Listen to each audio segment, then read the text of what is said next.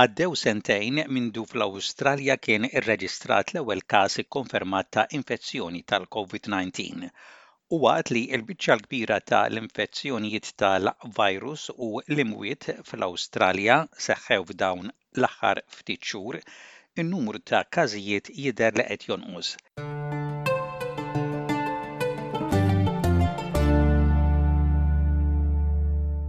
Sentejn mindu bdiet il-pandemija fl-Awstralja, il-pajjiż jinsab f'sitwazzjoni bl-akbar każijiet u imwiet mill-virus s'issa mindu bdiet il-pandemija. Imma waqt li dawn l-aħħar Xahrejn kienu ta' sfida kbira, esperti jgħidu li qegħdin f'pożizzjoni aħjar biex nikkumbattu l-virus. Il-Professur Catherine Bennett tgħid li waqt li aktar nies jerġgħu lura għax-xogħol u t-tfal jerġgħu lura l-iskola, x'aktarx ikollna żieda fil-każijiet li hija tistenna li jbattu. tgħid li ninsabu f'pożizzjoni tajba biex l-iskejjel jinżammu miftuħa u li nerġgħu lura għal ħajja normali bin-nies jerġgħu lura għax-xogħol. We've been able to manage the seriously ill in hospital. We've had big issues because of the high infection rates in the community trying to manage infection in workforce in hospitals and elsewhere, but that will come down now that our reported cases are coming down and our hospitalisations have levelled out.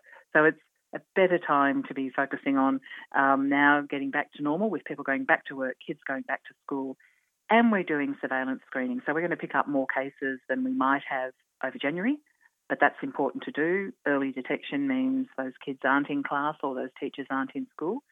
But at the same time, we're in a good position then to um, keep schools open while we, we continue to see our case numbers level out but hopefully continue to decline over February. Ir-rapid antigen tests ser ikunu parti importanti għar-ritorn tat-tfal fl-iskejjel f'ħafna stati. Fi New South Wales, l-istudenti, l-għalliema u l-ħaddiema fl-iskejjel ser ikunu meħtieġa li jagħmlu żewġ rapid antigen tests fil-ġimgħa. Il-Premier ta' New South Wales, Dominic Perrottet ħabbar li r-restrizzjonijiet preżenti li kienu se jitneħħew issa ser jibqgħu sat-28 ta' Frar. Dawn ir-restrizzjonijiet jinkludu l-ilbies tal-maskri ġewwa minbarra fid-dar, kant u żfin ipprojbiti f'postijiet ta' ospitalità u limitazzjoni ta' persuna waħda fi spazju ta' żewġ metri kwadri. Those restrictions that will be rolling over for this period uh, include density limits of two square metres, uh, wearing face masks, um, indoors, um, no singing and dancing um, in hospitality venues.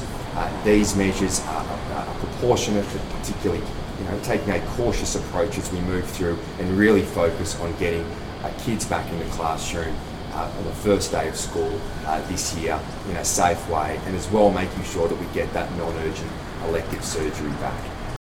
Il-Ministru tas-Saħħa fil-Victoria Martin Foley qal li għalkemm l-affarijiet fil-Victoria jidhru li qegħdin jistabilizzaw, għadna m'għaddejniex mill-periklu. Is-sistema tas-saħħa għadha taħt pressjoni kbira. Whilst we have seen things stabilize over the course of the last week, which is a good thing, it's stabilized at historically speaking, extraordinarily high levels. And um, the notion that we're out of this is well and truly premature. Our health system continues to operate under extraordinarily trying circumstances. Our healthcare professionals, uh, our entire healthcare staff are working under pressure like never before. Ir-rapid antigen tests ser ikunu wkoll parti ewlenija mill-proċess tal-ftuħ fl-iskejjel fil-Victoria. Studenti u ħaddiema fl-iskejjel primarji u sekondarji huma rrakkomandati li jittestjaw lilhom infushom darbtejn fil-ġimgħa waqt li studenti u ħaddiema fi skejjel speċjalizzati ser ikunu rrakkomandati li jagħmlu t-test ħames darbiet fil-ġimgħa. Il-Mexxej ta' l-Oppożizzjoni Anthony Albanese talab biex dawn it-tests ikunu disponibbli b'xejn għal kulħadd fl-Awstralja. Right now, we could strengthen both the safety net and our sense that we are all in this together by making rapid antigen tests available free to every Australian through Medicare. And that is what we should do. Il-professur Bill Bautel mill-Università ta' New South Wales jaqbel li rapid antigen tests bxejn fost miżuri oħra ikun kruċjali fl maniġjar tal-virus matul din is-sena. People must have access to rat tests free at the point of delivery to them. We must upgrade the, N the masks to N95 standards, the highest possible standards, because we know Omicron has spread so easily in aerosol. And there's got to be financial support, let's be frank. I think anybody who's walked through our major cities in the last uh, couple of weeks will have seen the distressing number of for lease signs, the businesses that have gone out of business, and the great pressures that are being placed on the workforce. So, all of these things have to be part of a very much upgraded response.